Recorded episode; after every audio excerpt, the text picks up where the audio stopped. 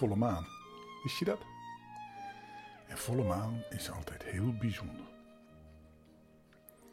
Vol, in, bij volle maan worden mensen plotseling heel romantisch. Dat moet je maar eens vragen aan je mama en papa. En bij volle maan gebeuren er allerlei dingen buiten. Met de elfjes en de veeën. En er gebeurt altijd heel veel. En daarom heb ik gedacht, we gaan een verhaaltje vertellen over de volle maan. Of misschien wel over windstil. Maar het verhaaltje is lang, dus dat gaan we in delen doen. Dus vandaag doen we het eerste deel.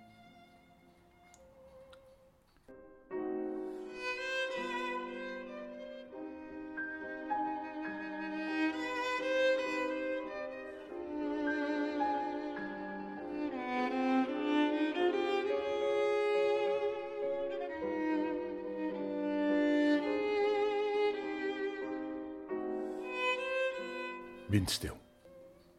Als de wind niet werkte, bracht wind zijn tijd door in een oude vervallen burcht.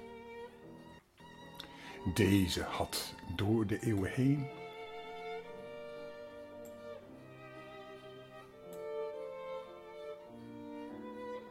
heel veel geleden. Zo zelfs dat zijn meters dikke muren zwak en brokkelig waren geworden. Ze zaten vol met barsten en scheuren, zodat je als je binnen de burcht in kwam het daglicht door de kieren in de muren kon zien. De hoektorens waren verweerd en geteisterd door de stormen. Alleen de hoge, stompe middentoren met zijn bemoste kantelen rees nog altijd ongedeerd als de getuigenis van een ver en roemrijk verleden boven zijn grondvesten uit. Het dikke glas in lood was al lang uit de vensters verdwenen, zodat de klimrozen, die tegen de grauwe muren opbloeiden, vrij spel hebben en in de loop van de jaren naar binnen waren gegroeid. Hun ranken hadden zich aan de verrafelde en verkleurde wandkleden vastgehecht en zich om de verbleekte familieportretten en de verroeste wapens geslingerd. En hingen als in een feestelijk versierde balzaal aan de balkenzoldering neer. Het is best een uh, eng verhaal, hè? Kun je dat voorstellen dat je in zo'n oud kasteel bent wat niet meer bewoond wordt? En de wind woont daar.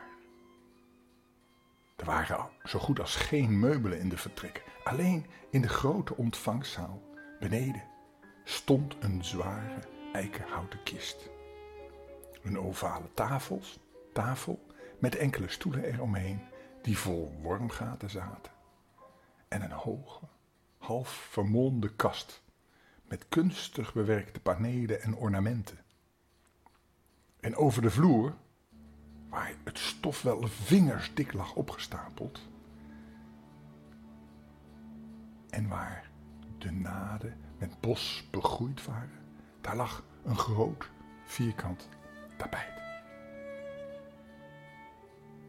Eens moest het volkleurig geweest zijn en de voetstappen van zwaar gelaarsde, gelaarsde ridders hebben gedempt.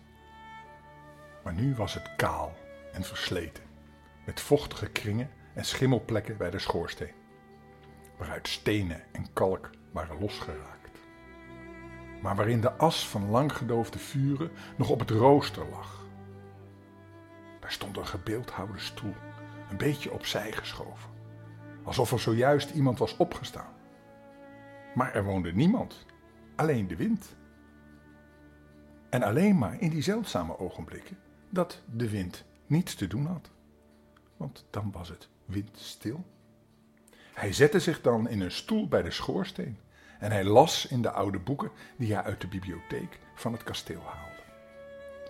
Of hij sliep in het hemelbed, het enige bed dat op een van de bovenzalen stond.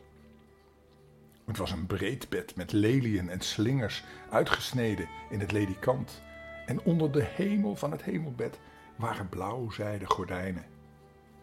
Die half verteerd waren en waarop zoveel spinnen hun glanzende dradensporen hadden achtergelaten dat het leek alsof er een zilveren sluier over was gelegd.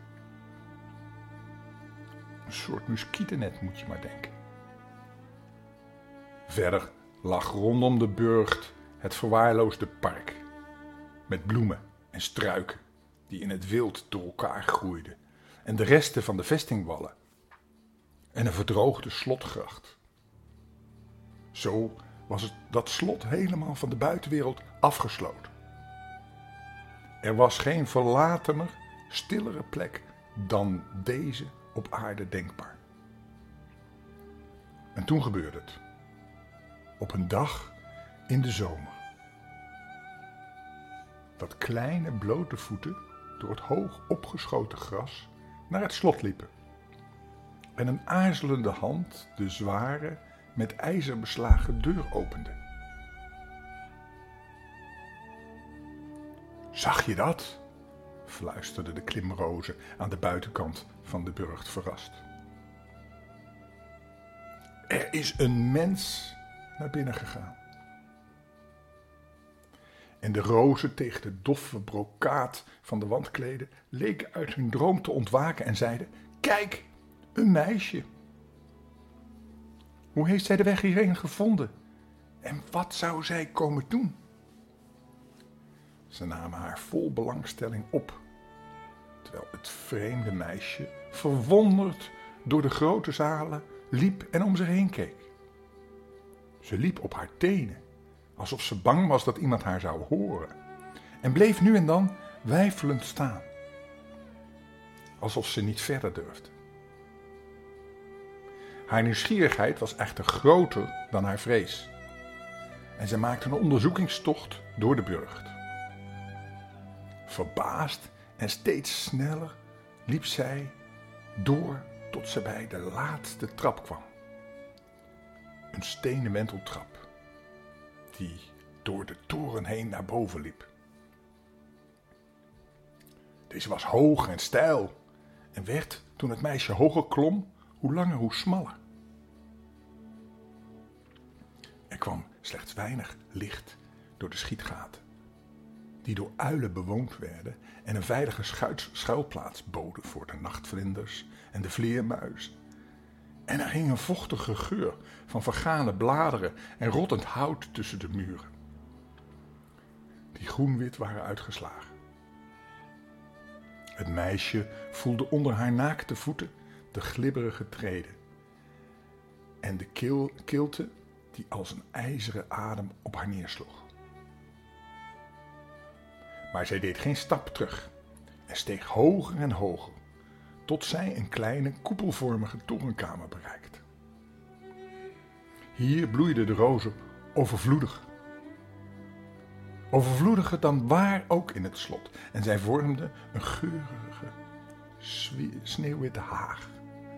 Langs de gepleisterde muren en diepe nissen, die zich naar elkaar toe buigden.